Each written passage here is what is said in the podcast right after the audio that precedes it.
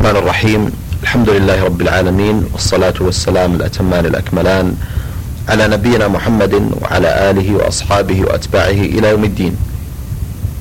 أيها الإخوة والأخوات السلام عليكم ورحمة الله وبركاته.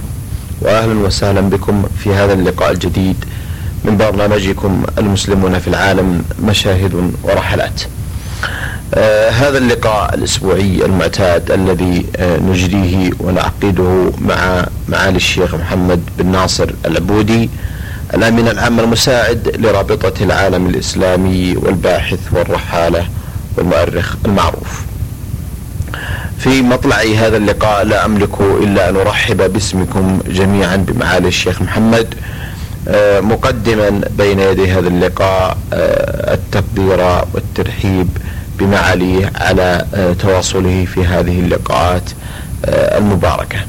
حياكم الله معالي الشيخ. حياكم الله.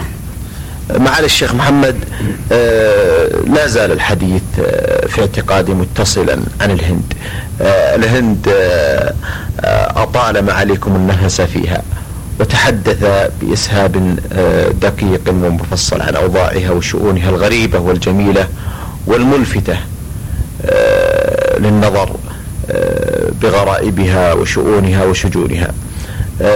كان الحديث مصبا بشكل كبير عن أوضاع المسلمين وعن أحوالهم. لكن معالي الشيخ محمد لا أدري كيف نخرج من هذه القارة الكبيرة الهند. أعتقد أننا لم نزل بعد بحاجة إلى أن نستمع إلى مزيد من أخبارها ومشاهداتكم عن بعض ولايات الهند. لكن معالي الشيخ محمد أستأذنكم في هذه الحلقة لأن أسألكم أين سنولي شطرنا في هذه الحلقة من ولاية الهند؟ بسم الله الرحمن الرحيم. الهند كما قلنا تعتبر قارة ولذلك يسميها بعض الكتاب والصحفيين بالقارة الهندية لأنها واسعة ولأنها محدودة بحدود طبيعية مع كل الجهات والمراد بذلك جميع البلاد التي تسمى بلاد الهند في القديم وليس جمهورية الهند في الوقت الحاضر. لأن جمهورية الهند في الوقت الحاضر لا تمثل إلا الأغلبية أو الأكثرية من الهنادك من يعني من سكان الهند وتمثل الأغلب من الأراضي الهندية. والأمر كما ذكرتم في كونها إنها واسعة والحديث سيكون متصلا عنها ولا نقول إن الحديث مقتصر عليها. لأننا ننوي أن نتحدث بعد الهند عن بلاد من بلاد الله الواسعة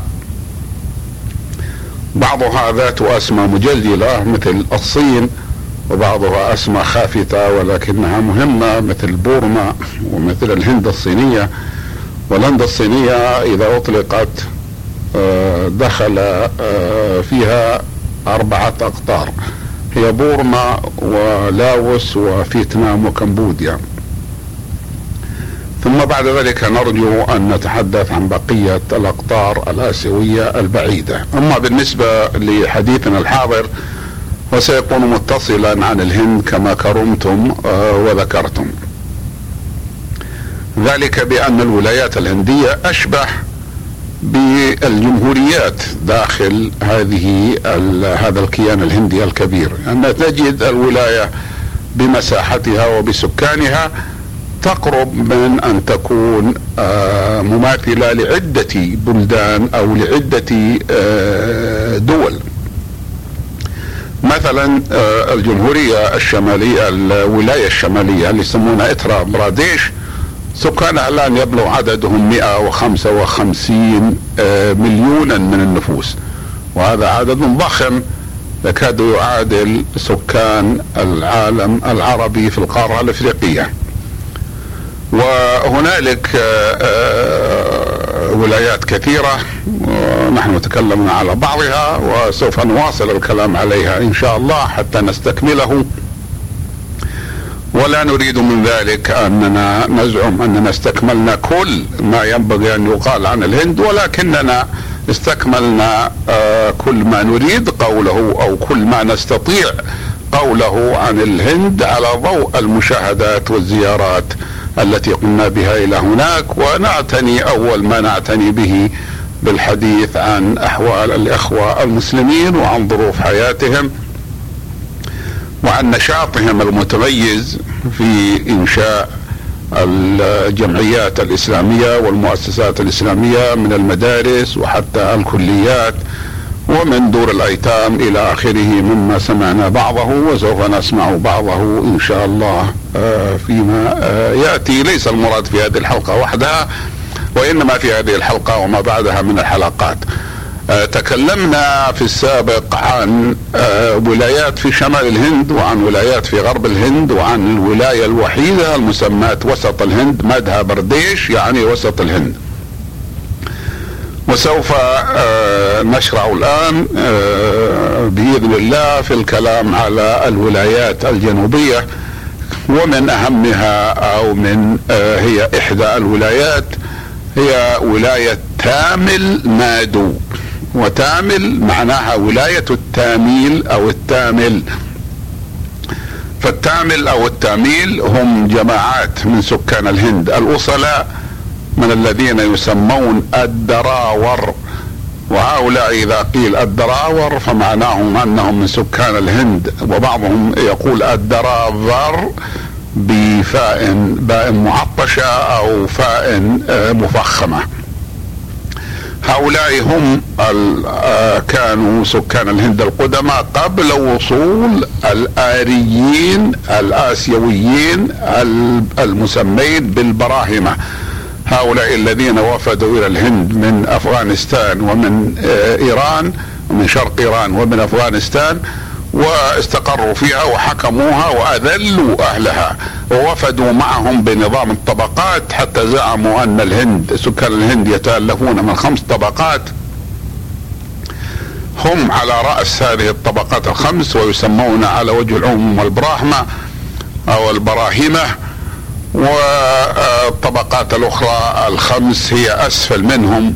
أسفلها هم ما يسمون المنبوذون وفي الهند يسمون سماهم غاني هريجان ومعنى هريجان معناها أبناء الله كما يزعم. يعني المراد من ذلك أن هذا أراد تطيب خواطرهم لأنهم كانوا منعزلين وكانوا يؤذون كما سيأتي آه، في المستقبل في حلقة إن شاء الله أما في هذه الحلقة والحلقة التي قبلها.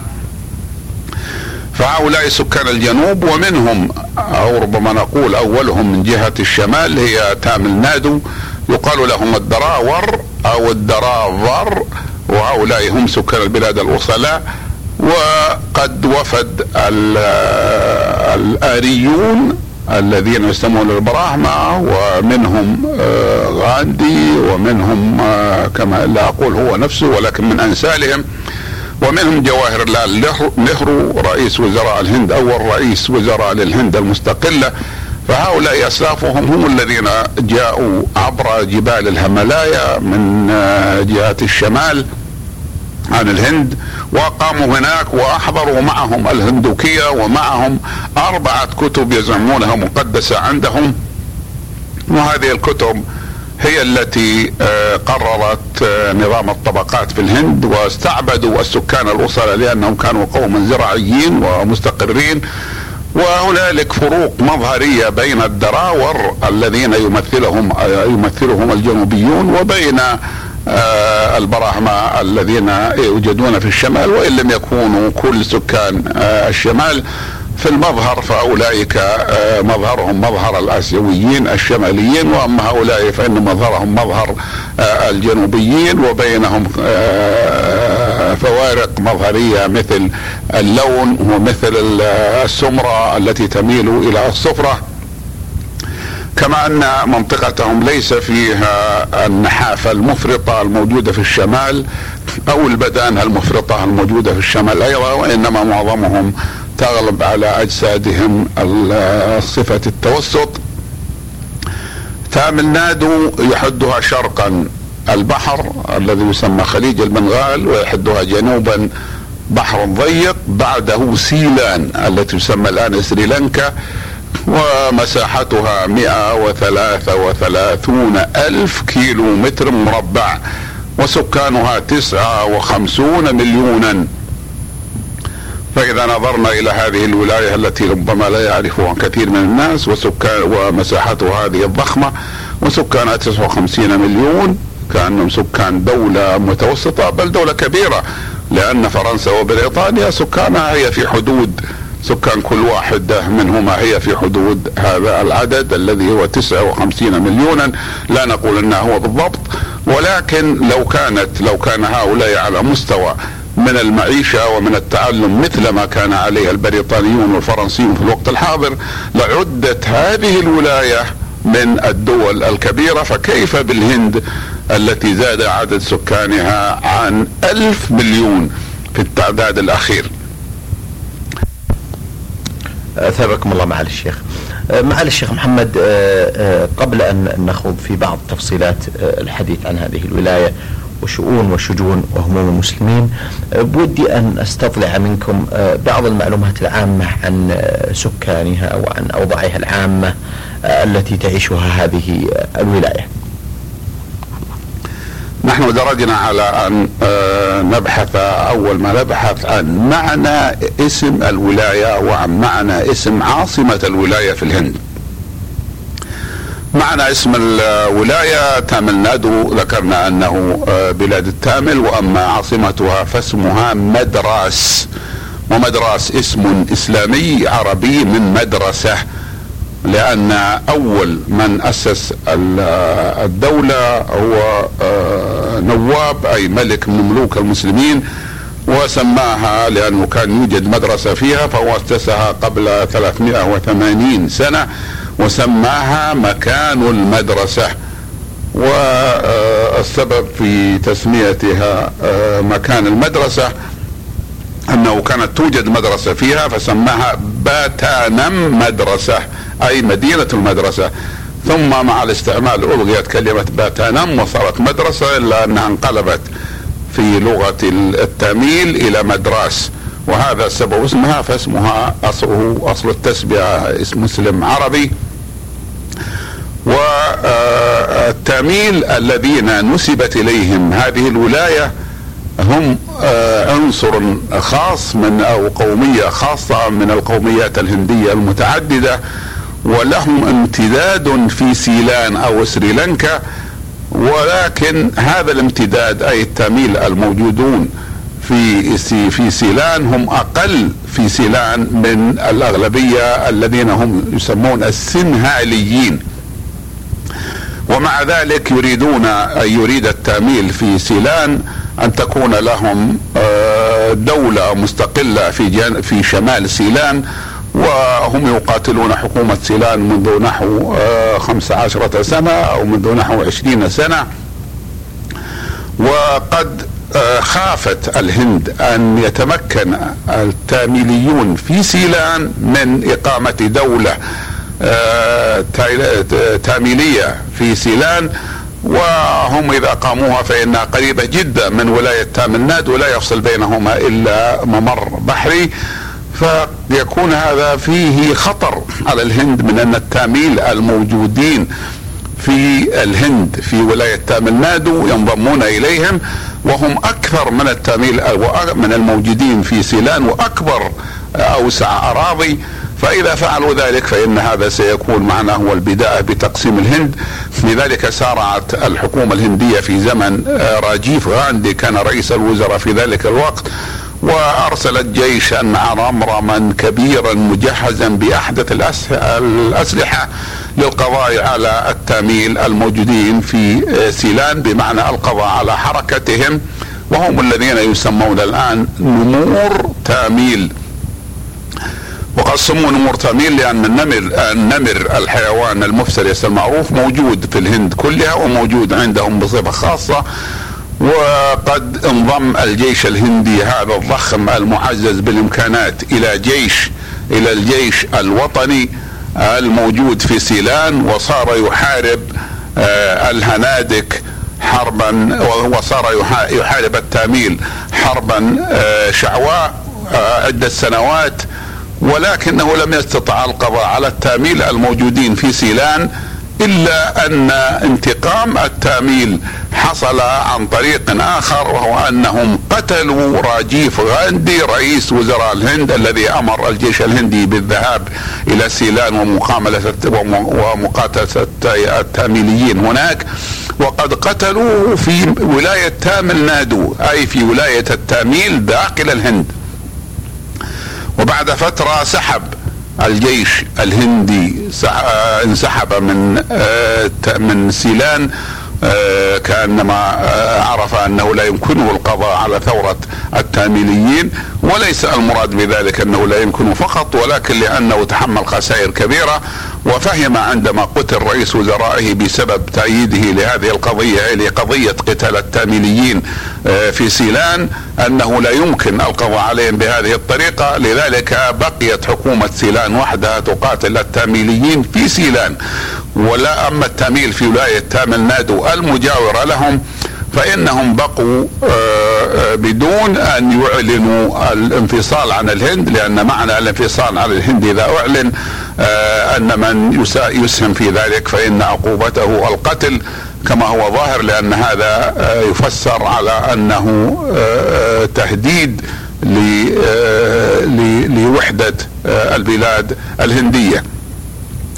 ومع ذلك لا يزال بعض الوطنيين من الدرابر الذين هم السكان القدماء للهند قبل وجود قدوم البراهمة من الشمال لا يزالون يفكرون في اتحاد الجنوب بأن يكون هناك اتحاد من الولايات الجنوبية آه الثلاث التي هي تامل نادو وولاية كرناتكا وولاية كيرالا ويسمونه اتحاد الدراذر ويأملون بأن يأتي يوم يستقل في هذا القسم ولكن هذا أمر بعيد إلا إذا خطط له وإذا كان لدى الذين يتبنونه قوة يقاومون بها قوة الجيش الهندي الضخمة.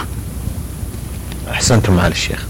آه، معالي الشيخ محمد آه، بعد هذا الاستهلال الجميل عن آه، أوضاع الهند هل من الممكن أن نستمع إلى أول زيارة كانت لكم آه، إلى هذه آه، الولاية. كيف كانت آه، وكيف تم الوصول إليها؟ نعم زرنا الولاية مرتين الأولى في عام 1397 هجرية أي أنها زيارة قديمة وكنا وفد من ثلاثة أشخاص هم الشيخ فضيل الشيخ عبد الله بن سليمان بن منيع العضو هيئة كبار العلماء وفي الوقت الحاضر وكان في ذلك الوقت نائب الرئيس العام لإدارة البحوث العلمية والإفتاء والدعوة والإرشاد والرئيس العام في ذلك الوقت هو آه، شيخنا الشيخ عبد العزيز بن باز رحمه الله.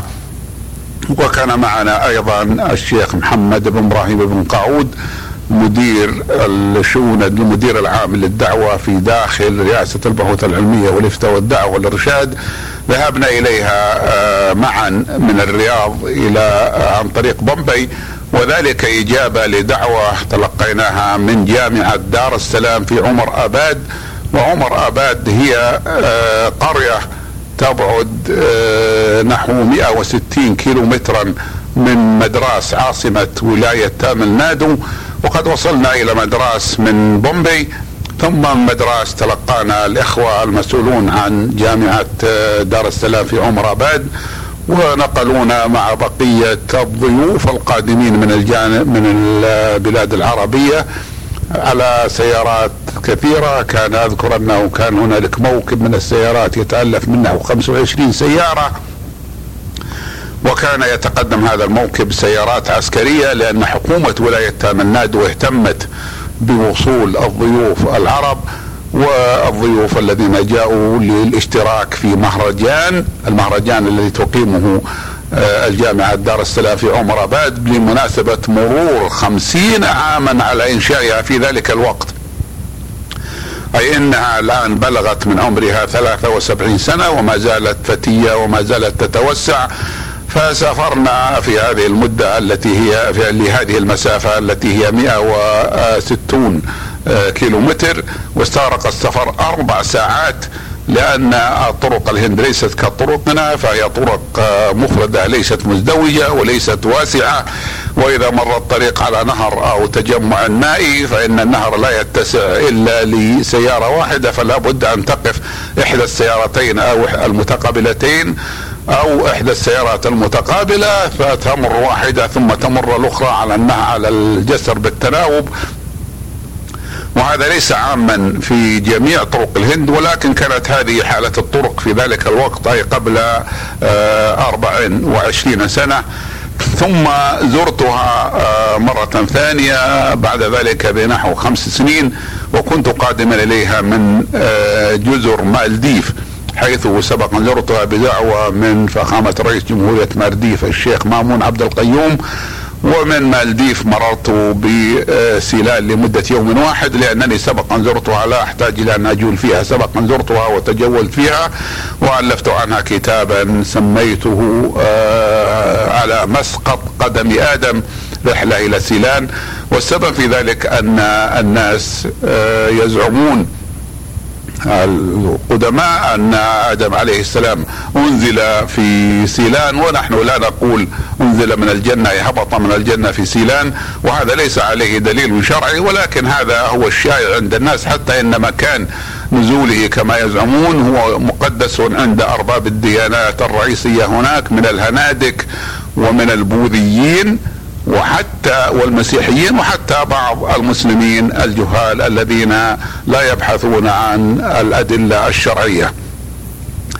ومن آه، آه، الرحلة الأولى تجولنا في ولاية تامل نادو وسوف نذكر بعض آه، ما قابلناه فيها وأما الرحلة الثانية فإنها كانت مقتصرة على مدراس عاصمة ولاية تامل نادو وأظن أنني ذكرت أن آه، أنني لم أذكر عدد سكان مدراس فيما سبق أن ذكرته من أن عاصمة الولاية هي مدراس وأن الاسم إسلامي ولكن لم أذكر أن سكانها عدد سكانها يبلغ خمسة ملايين ومئتي ألف نسمة.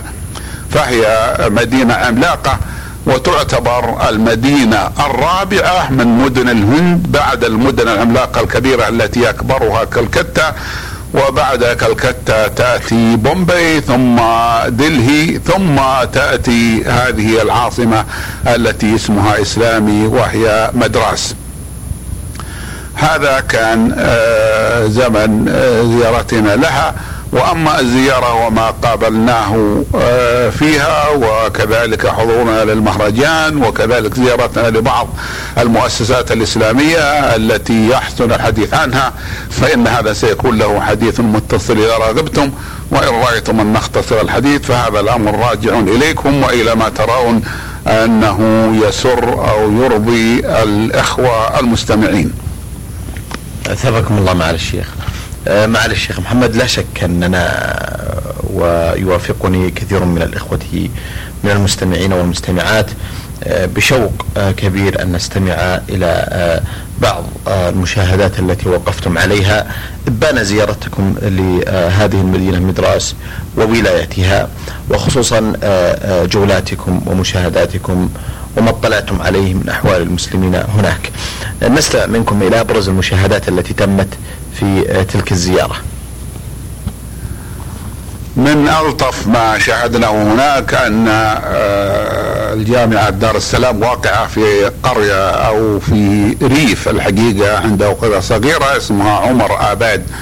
وعمر آباد معناه آه، قرية عمر أو عمارة عمر لأن الذي أسسها كاكا محمد عمر. وكاكا هذا لقب آه، للأسر.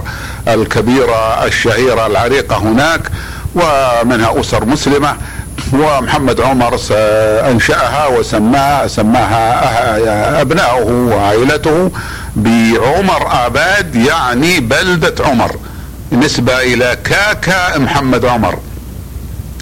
هذه القرية التي فيها الجامعة هي في الحقيقة ليس فيها فنادق لأنها قرية وأقرب بلدة كبيرة منها اسمها أمبور تبعد عنها ستة كيلومترات ليس فيها أيضا آه، فندق كبير. ولكن إخواننا الذين قاموا على تنظيم المهرجان الكبير في لدار السلام عمر آباد عملوا عملا جميلا لا يكاد يوجد إلا في الهند. وهي أنهم طلبوا من الإخوة المسلمين أن يخلي كل واحد منهم في من أهل آمبور التي هي مدينة سكانها 75 الفا ولكن ليس فيها فنادق. آه، كافية أن يخلي بيته للإخوة الضيوف من المسلمين. وقد آه، أخلى لنا أحدهم واسمه الدكتور نذير أحمد. ولا أدري أهو طبيب أم أستاذ في الجامعة ولكن بيته يدل على أنه وجيه وثري من وجهاء المسلمين فأخلى لنا بيته من أهله أهله انصرفوا إلى أهلهم أو إلى أقاربهم واصدقائهم ولم يبقى في البيت أحد وأنزلنا فيه ونحن ثلاثة الذين ذكرتهم أنا والشيخ فضيلة الشيخ عبد الله بن منيع والشيخ محمد بن قعود ومعنا رابع كل واحد منا أنزله في غرفة خاصة فكأنه في فندق جيد والبيت على غاية من النظافة وعلى غاية من الترتيب وهذا غريب لأنهم جميع الضيوف الذين يعتبرهم المدعوون ضيوفا كبارا أنزلوهم في آه، بيوت المسلمين الذين تركها لهم المسلمون. وبذلك جمعوا آه، فائدتين أو كبيرتين بل فوائد منها اولا أنهم تلافوا النفقة على الفنادق فلا الضيوف دفعوا أجرة للفنادق ولا الجامعة التي دعتهم دفعت أجرة للفنادق. وبعض الفنادق أو بعض آه، ربما يكون أكثر الفنادق أهلها من غير المسلمين فلا يجوز أن تدفع النفقة التي ستكون كبيرة لأن الضيوف زاد عددهم على 400 منهم من المملكة العربية السعودية والبلدان العربية 72 وعندي اسمائهم و آه، آه، زيادة على ذلك هم آه، أظهروا التضامن الإسلامي. هذا أمر عرفناه من أهل الهند ولكن الشيء الذي عرفناه أكثر وهو ظاهر أكثر أنه حتى السيارات اللازمة لتنقل الضيوف فإنهم لم يستأجروا سيارات من أحد وإنما تبرع بها المسلمون من أهل المنطقة وليس المراد بذلك من أهل القرية القرية صغيرة ولا حتى من المدينة القريبة منها المسماة أمبور وإنما حتى من أهل مدراس. فكل مسلم لديه سيارة وهو شاب يستطيع أن يسوق أحضرها وجعلها مع خدمته في خدمة الإخوة المسلمين الذين حضروا المهرجان. وإذا كان الرجل كبيرا فإنه يحضرها مع سائقها أو يعطيها لأحد الإخوة القادرين من المسلمين. فتكون السيارة أيضا تحت طلبات المسلمين بالمجان أي بدون أن ينفق تنفق عليهم الجامعة نفقة. وهذا أمر من آه الأمور العجيبة من عجائب الهند ومن تضامن الأخوان المسلمين. لقد كان أول ما رأيته في مثل هذه في آه، مدينة لكنو عندما قام الشيخ العلامة السيد أبو الحسن الندوي رحمه الله مهرجانا للدار العلوم جامعة دار العلوم ندوة العلماء. أقامها لمناسبة مرور 75 سنة على تأسيس الجامعة. أي وذلك في عام 1396 وكان هذا المهرجان آه، كبيرا آه، آه، ربما نتكلم عليه في الحلقة القادمة. أحسنتم أثابكم الله. معالي الشيخ محمد في هذه اللحظات أستأذنكم لأن نتوقف عند هذا الحد حيث أن وقت الحلقة قد شرف على الانتهاء. آه، راجيا بإذن الله تعالى أن يكون لنا تواصل معكم كما تعودنا منكم بإذن الله تعالى لنواصل الحديث عن هذه الولاية وبعض متعلقات شؤون المسلمين فيها. أيها الإخوة والأخوات كنا وإياكم طوال تلكم الدقائق الماضيات مع معالي الشيخ محمد بن ناصر العبودي الأمين العام المساعد لرابطة العالم الإسلامي والباحث والرحالة المعروف متحدثا لنا عن رحلة من رحلاته المشهورة آه، والتي كانت آه، إلى الهند. نلقاكم بإذن الله تعالى على خير في مثل هذا اليوم من الأسبوع القادم. والسلام عليكم